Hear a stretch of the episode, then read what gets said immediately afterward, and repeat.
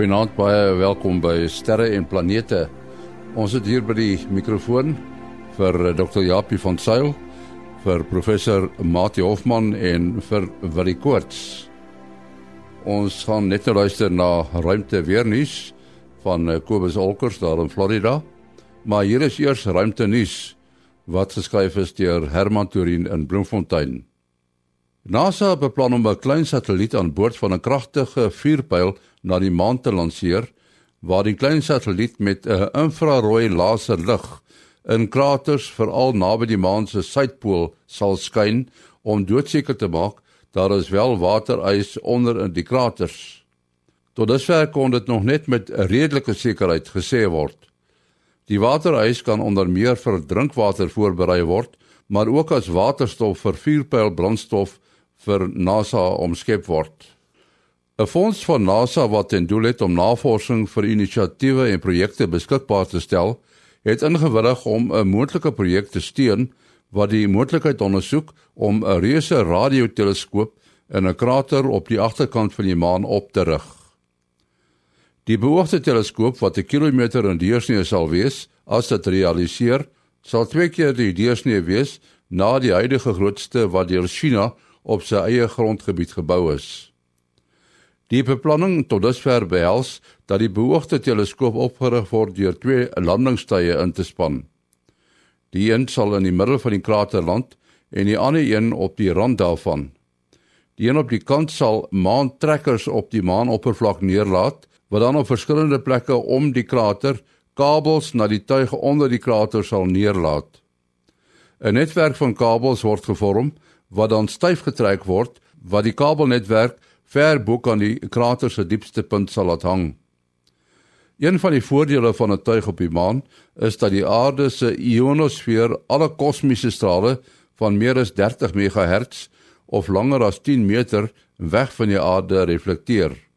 'n Teleskoop op die verkant van die maan sal dit ook van radiogolwe wat op aarde ontstaan het vrywaar. Tot sover dan ruimte nuus wat geskryf is deur Herman Torin in Bloemfontein. Nou luister ons na ruimte weer. Kobus Olkers in Florida, Amerika. Goeienaand en goeienaand luisteraars. Ja, stil son hierdie week. Uh, ons is nog steeds in 'n diep minimum. Daar is een of twee interessante goedjies wat ek vir ons nou nou gaan vertel. Kom ons kyk nou net eers gou na die aktiwiteit en dit is redelik laag. Die sonvleknommer is vriendie waar positief vir die eerste keer in 'n baie lang tyd. Uh, dit was nou omtrent 12 gewees gister en lyk my vandag is dit uh, nog steeds 12. Ons het 'n korona gaatjie wat donderdag ehm uh, verlede donderdag uh, geo-effektief geraak het. Ons het hom begin voel op op uh, verlede donderdag en hy sal teen volgende nie, nou Vrydag sal hy afgeroteer wees aan die kant van die son af uh, sonder dat hy vir ons enige vreeslike groot verskynsels gebring het. Dan het ons drie klein sonvlekkies op die oppervlakte van die son wat ons kan na ons kant toe, na die aarde se kant toe wys. En almal weet mos nou die son roteer so van links na regs voor ons verby wat ons kan sien. En die eerste enetjie wat ons sien is so 45 grade noord op uh, in die noordelike halfrond van die son in en daar is 'n klein sonvlekkie met 'n positiewe pool wat voorloop of terwyl 'n 'n 'n 'n noordpool wat voorloop en 'n klein suidpooltjie wat agter hom tussen hakies al drie hierdie goed waaroor ons nou gaan praat is diepole. Ehm uh, ander woorde dit mooi ge, mooi geïdentifiseerde pole wat ons kan sien op die oppervlak van die son. Nou ja, die eerste boonste enetjie het 'n noordpool wat voorloop, dan die enetjie so effe laer af uh so effe meer links van hom. Met baie naby aan die ewenaar van die son is, is het ook 'n 'n noordpool wat voorloop, maar wat interessant is, ons het uh so omtrent 10 grade laer as hy en omtrent uh 20 grade regs van hom sien ons 'n uh, klein sonvlekkie maar sy sy suidpool loop voor en sy noordpool loop agter. Nou hierdie pooltjie is dan nou 'n uh, uh, sonvlek van die nuwe siklus, die siklus wat nou gaan begin. Die ander twee wat daar bokant ons gesit het, is nou albei met hulle noordpole wat voorloop, was hulle nou sonplekke van die ou siklus. So dis 'n baie interessante week. Ons het albei sonsiklusse uh, sigbaar op die oppervlak van die son. Wat aktiwiteit aanbetref, is dit als baie stil. Daar's so een of twee klein filamentjies in die noordpool van die son En uh ek sien net enetjie op die in die suidpool. Hy's groterig, hy lyk onstabiel. Hy kan dalk hy kan dalk platval om 'n hydervakkel te veroorsaak, maar uh, hy is nou al so ver naby aan die aan die rand van die son dat hy geen effek op die aarde se omgewing sal hê nie. Ehm um, en dit is dan maar ons storie vir hierdie week. Uh, Goeienaand tot volgende week. Ja, daar is hy, Kobus Olkers in Florida, Amerika. Ons het hier by die mikrofoon vir eh, Dr. Japie van Sail van Hydrosat, professor Mati Hofman van die Universiteit van die Vrystaat Digitale Planetarium en die Boden Sterrewag en van die SAAO het ons uh, Willie Koorts. Nou ons het verlede keer ons uh, nuwe e-posadres gegee, uh, Uh, sterreplanete@gmail.com. Daar's inderdaad 'n hele klompie ouens wat gereageer het. Interessante brief van François de Rond wat 'n mediese dokter was. Dis in aanleiding van verlede week se gesprek met Samuel wat daar in uh, Nunavut woon, Noord-Kanada. En uh die het maar net dis nou François het nou maar net verduidelik hy het gewerk in Uranium City wat lyk my ook in die middel van nêrens is nie. Maar uh, François, dankie vir jou brief. Dan was daar 'n brief van eh uh, Giel Jacobs wat uh, iets wou weet van uh, die posisie van die Suiderkruis. Uh, wat het jy daarna gekyk? Uh ja, dis reg. Ja, Giel sê hierso van hy onthou toe uh, hy in die weermag was, het hulle geleer van die seisoene bewegings van die Suiderkruis. Hy het nou so 'n bietjie vergeet. Hy's daar by Bakkestroom op Mpumalanga hy hy het eintlik selfs bietjie gesukkel nou om die suiderkruis te identifiseer. Ja, dit is 'n bietjie moeilik vir op 'n radioprogram altyd, maar natuurlik die suiderkruis is in die in die in die uh, suidelike rigting. Ehm um, as 'n mens so ver noord is soos uh, Wakkerstroom, dan is daar natuurlik tye van die jaar waar die suiderkruis agter die horison indraai vir vir hulle en dit is presies hierdie seisoenbewegings wat hy wat hy daarvan praat. Natuurlik op enige gegeewe nag sal die suiderkruis ook draai. Ehm um, soos hy vanaand is is so links onder sit dan gaan hy môreoggend uh, uh gaan hy regs bo sit. Want dit vat maar so 'n groot horlosie wat dit nou 24 uur vat om eenmal in die ronde te draai en dit is mos nou maar eintlik die aarde wat draai en dan dan lyk dit of die hemel draai.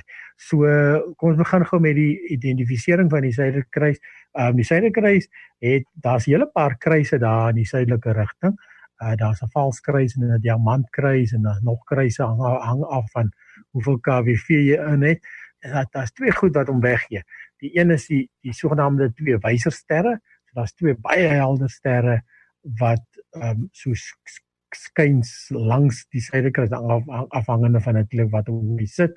Op hierdie oomblik sit die suiderkruis sy sy vroeg aan en um, en die en die wysersterre sit onder hom en is meer hierso na die suidoose kant toe as as suid want hy is aan die linkerkant van die hemelpool op die stadium.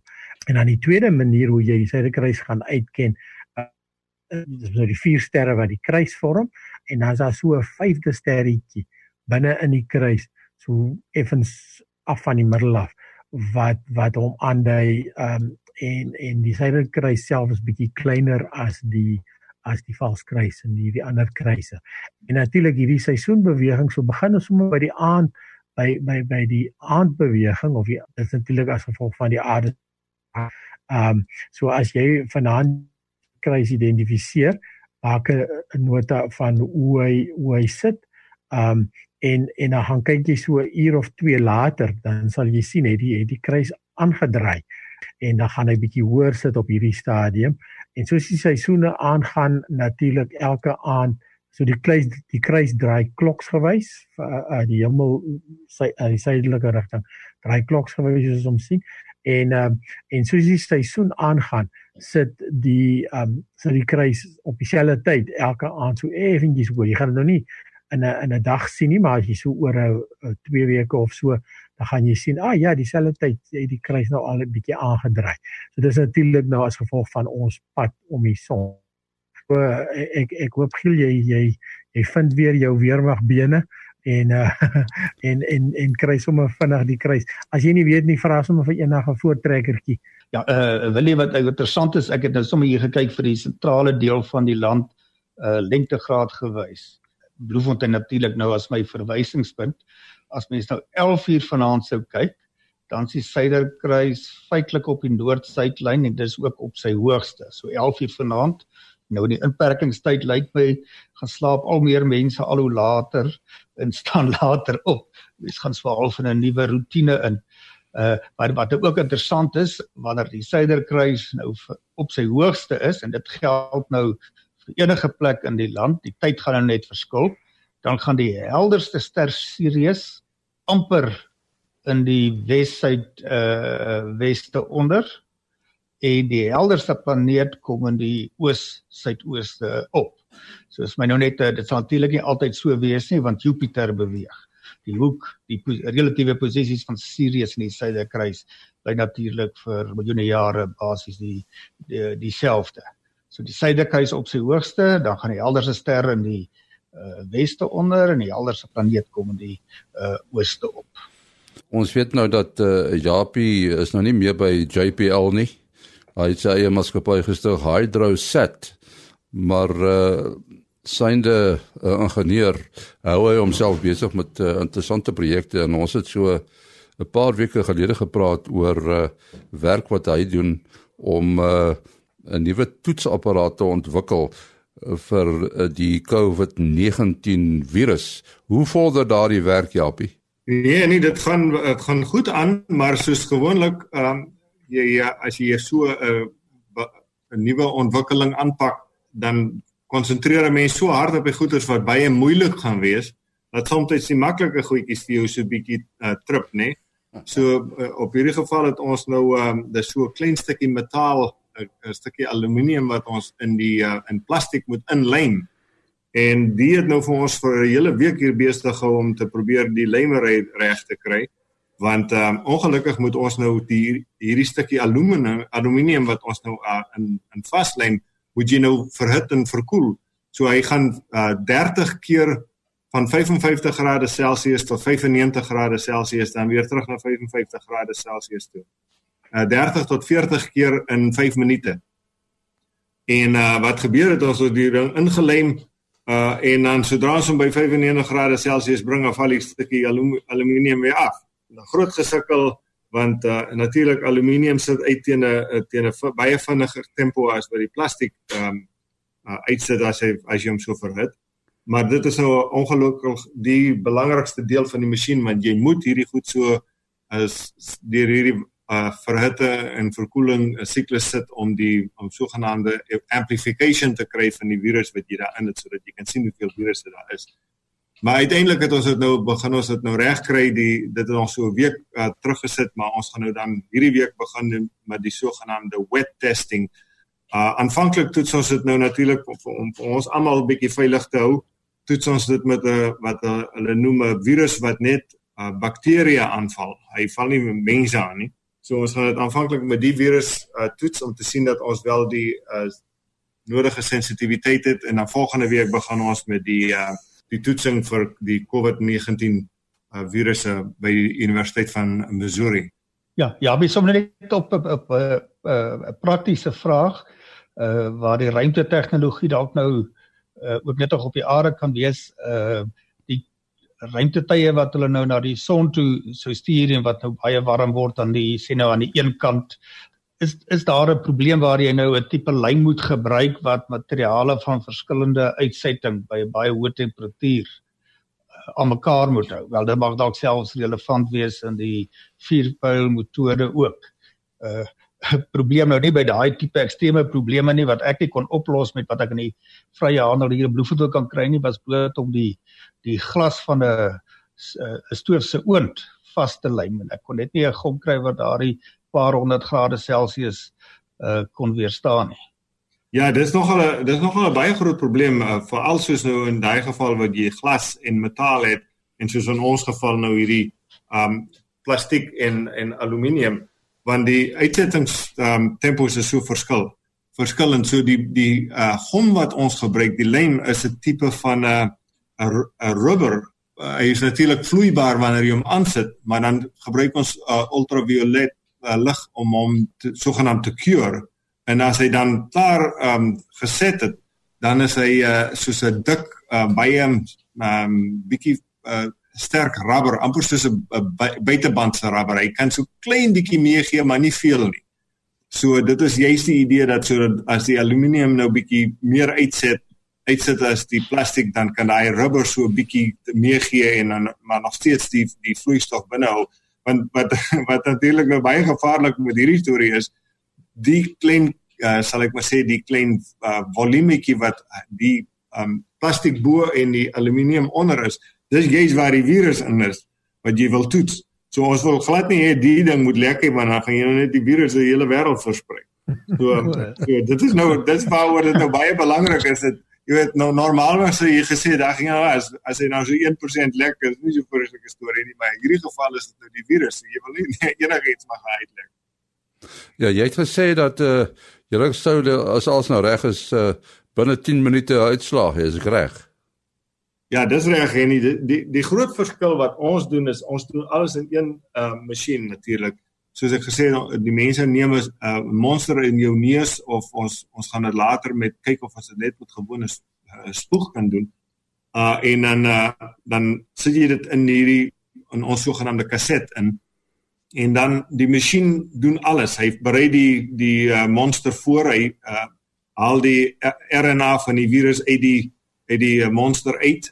Uh hy meng dit dan met die regte um, chemikalieë en dan doen ons hierdie toets wat jy um dan vir 30 of 40 keer moet so siklus deur, uh, deur die temperature gaan. Uh en dan binne 10 minute 10 tot 15 minute dink ons as jy glad baie min virusse het dan moet jy bietjie langer um die ding aanhou. En in geval in hierdie geval is dit natuurlik baie belangrik om te weet as jy sê iemand het dit nie dat hulle dit wel nie het nie. So dan gaan jy vir die sogenaamde false negatives gaan ons 'n bietjie langer loop so tot 15 minute. Hmm. Maar as 'n mens dit het, is dit baie baie maklik om te sien. Dit is so gewoonlik so tussen 7 en 10 minute se. Ek neem aan dit is 'n destructive test. So die virus is dood na jy hom getoets het. Ja nee nee, jy gelukkig jy maak die virus dood in die proses, ja. ja, kry jy nou nog kans om met die satelliete te peter as jy nou so met toetsapparate werk? Ja, nee, wat gelukkig staan ons 24 ure in 'n dag. So ek ek werk nog aan die om satelliete ook. So Uh, ek probeer nou uit, uit, uitwerk of mense nog so 'n paar ure in die dag kan insit. Ja. Wil jy jy het 'n uh, uh, baie mooi foto's geplaas van van die komeet wat uh, deesdae te sien is hierbo. Hoe het jy gemaak om hom te kry? Ja, ehm um, dis reg, dis nou uh, komeet C2020 A uh wat's dit F8 uh Swan lyk nog al 'n belowende komeet wat hier by Mei, middel Mei uh op sy helderste gaan wees en die komeet het nou nogal redelik mooi helder geword en en vanoggend het ek hom weer of of wel vroeër in die week eintlik het ek hom um het ek het, het ek hom reg gekry om sy sterkie mooi te kan sien en um ja so ek gebruik maar stellarium stellarium weet alles um en en dan uh, ek maar net daai koördinate in my teleskoop in en uh, dan bring hy my darm naby genoeg. Die die die komeet is sal sigbaar in die soekteleskoopie uh wat uh, wat basies 'n verkyker of met die helfte van 'n verkyker is. Maar ek moet sê as ek nou nie as ek nou met 'n verkyker daar rond kyk sal ek nou nie gesê daar's 'n komeet nie. So uh, die die kameraitjie en al die toerusting so bring hom darm baie mooi uit. So uh, ja dit is dis nogal lekker en en dan is dit daai selfde probleem van van 24 ure in 'n dag en en dan voel moet jy nou regtig nodig om te slaap. Goed, uh, Mati, ons het 'n brief ook van Dani Besuidnout gekry. Uh wat uh, vra dis nou nadering van 'n program die 26ste April se program. Waar ek dink dit was jy wat gepraat oor die uitdaging of die uitbreiding van die van die heelal en uh hy hy al iemand aan die universe is endless and expanding. En nee, ja, hierdie is een van die uh moeilike dinge om oor te dink. Dit uh mens moet jou brein 'n bietjie buig. Uh seker maar om dat die ruimte uh gebuig is soos wat Einstein in sy teorie uh algemene relativiteitsteorie uh verduidelik het. Uh Dani gaan nou voort dan uh, verwys nou na die stelling the universe is endless and expanding en dan het hy nou verder die vraag dit as die oorheel al op 'n stadium baie baie klein was dan moes die druk ook basies oneindig groot gewees het of geweldig groot. En dan die grootte en die druk is in 'n teenoorgestelde verhouding soos die heelal dan uitdui uitgedui het het die druk afgeneem uiteindelik as hy nou oneindig sou word dan sê ons aanvoeling in die klassieke uh, fisika dan sal die druk na uh, nul toe nader. Mens moet natuurlik nou nie net in terme van die termodinamika die uh, dink nie die druk is 'n termodinamiese konsep uh as in die, in die, in die oerheel al het was dit 'n baie belangrike konsep maar nou in die heelal soos dit nou is om daardie uitdaging te verder te verstaan moet mens natuurlik nou dink in terme van uh, die effek van gravitasie uh en hoe die heelal nou sal verder uitdui uh al dan nie uh, gaan afhang van hoeveel massa daar in die heelal is uh en uh, jy kan dit nou nie net in terme van druk gaan verstaan nie nou uh, vra hy as die druk nou nul sou word, gaan daar dan 'n inploffing wees. Wel dit sal jy soos uh, dit sal moet jy dan eintlik verstaan of daar 'n inploffing gaan wees, gaan afhang of daar genoeg materie in die ruimte is. En dit is nie 'n vraag wat al afdoende geantwoord is uh of die heelal maar net sal uitdui stadiger en stadiger en of uiteindelik die uitdaging sal stop en hy weer uh in mekaar uh, sal stort nie.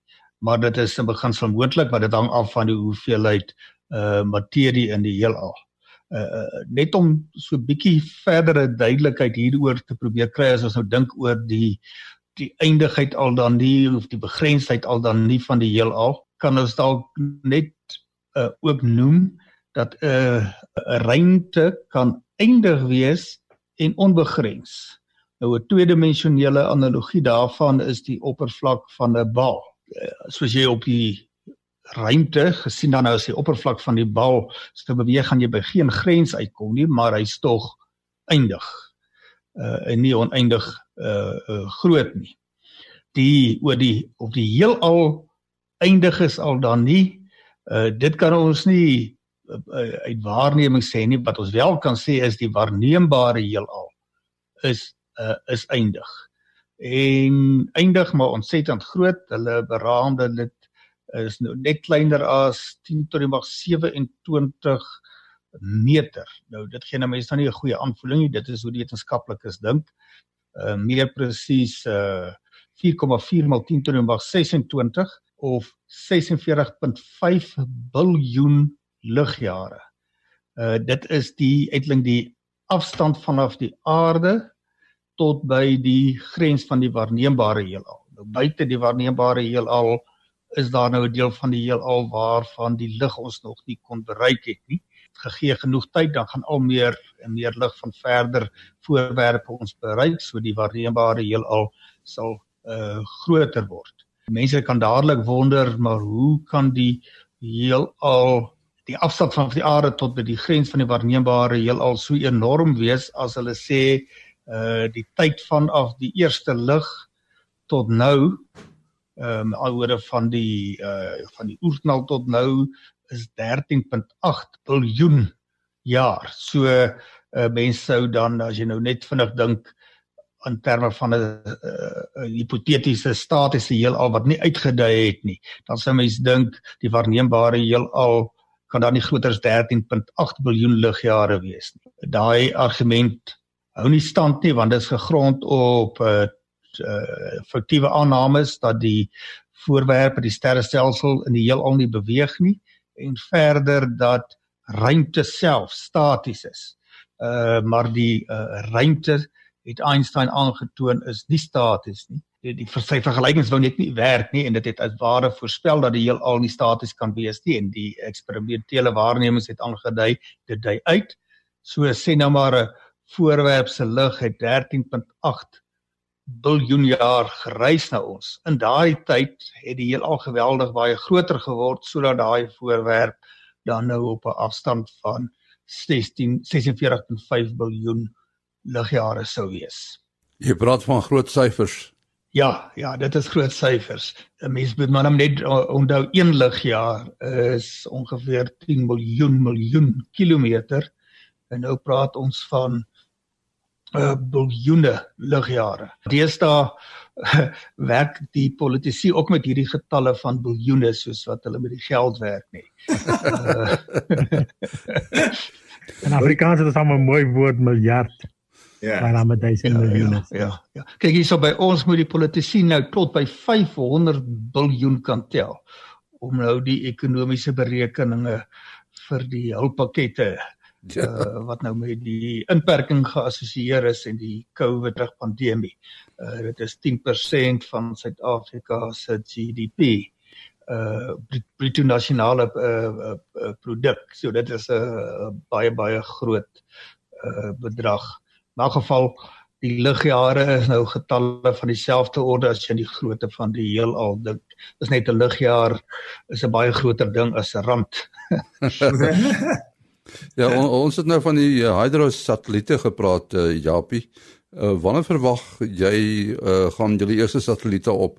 Ons het oorspronklik beplan om so in die middel van volgende jaar, maar hierdie uh, COVID-19 het natuurlik nou almal so 'n bietjie be beïnvloed. Uh ons sal seker nou so 'n bietjie later in die jaar, ons is nog nie heeltemal seker nie die uh, die ouens probeer nog hulle skedules uitwerk hoeveel hulle geaffekteer is deur die feit dat mense nou nie eintlik in die uh kon kon werk en so aan nie. Alhoewel gelukkig meeste van die van die ruimtegoed is daarom geklassifiseer as sogenaamde noodsaaklike industrieë. Maar nogtans is dit uh, ander mense wat um, ons op staat maak ook uh, beïnvloed. So ek sou sê dis heel waarskynlik so tussen 3 en 6 maande to so to maybe miskien so na die einde van volgende jaar se kant. Ons moet afsluit. Uh Japie, jou besonderhede? Uh e-posadres japiejpl@ gmail.com japiejpl@gmail.com en dan wil ek as 0724579208 0724579208 0836257154 en nou kan ek maar my masker afhaal. Ja.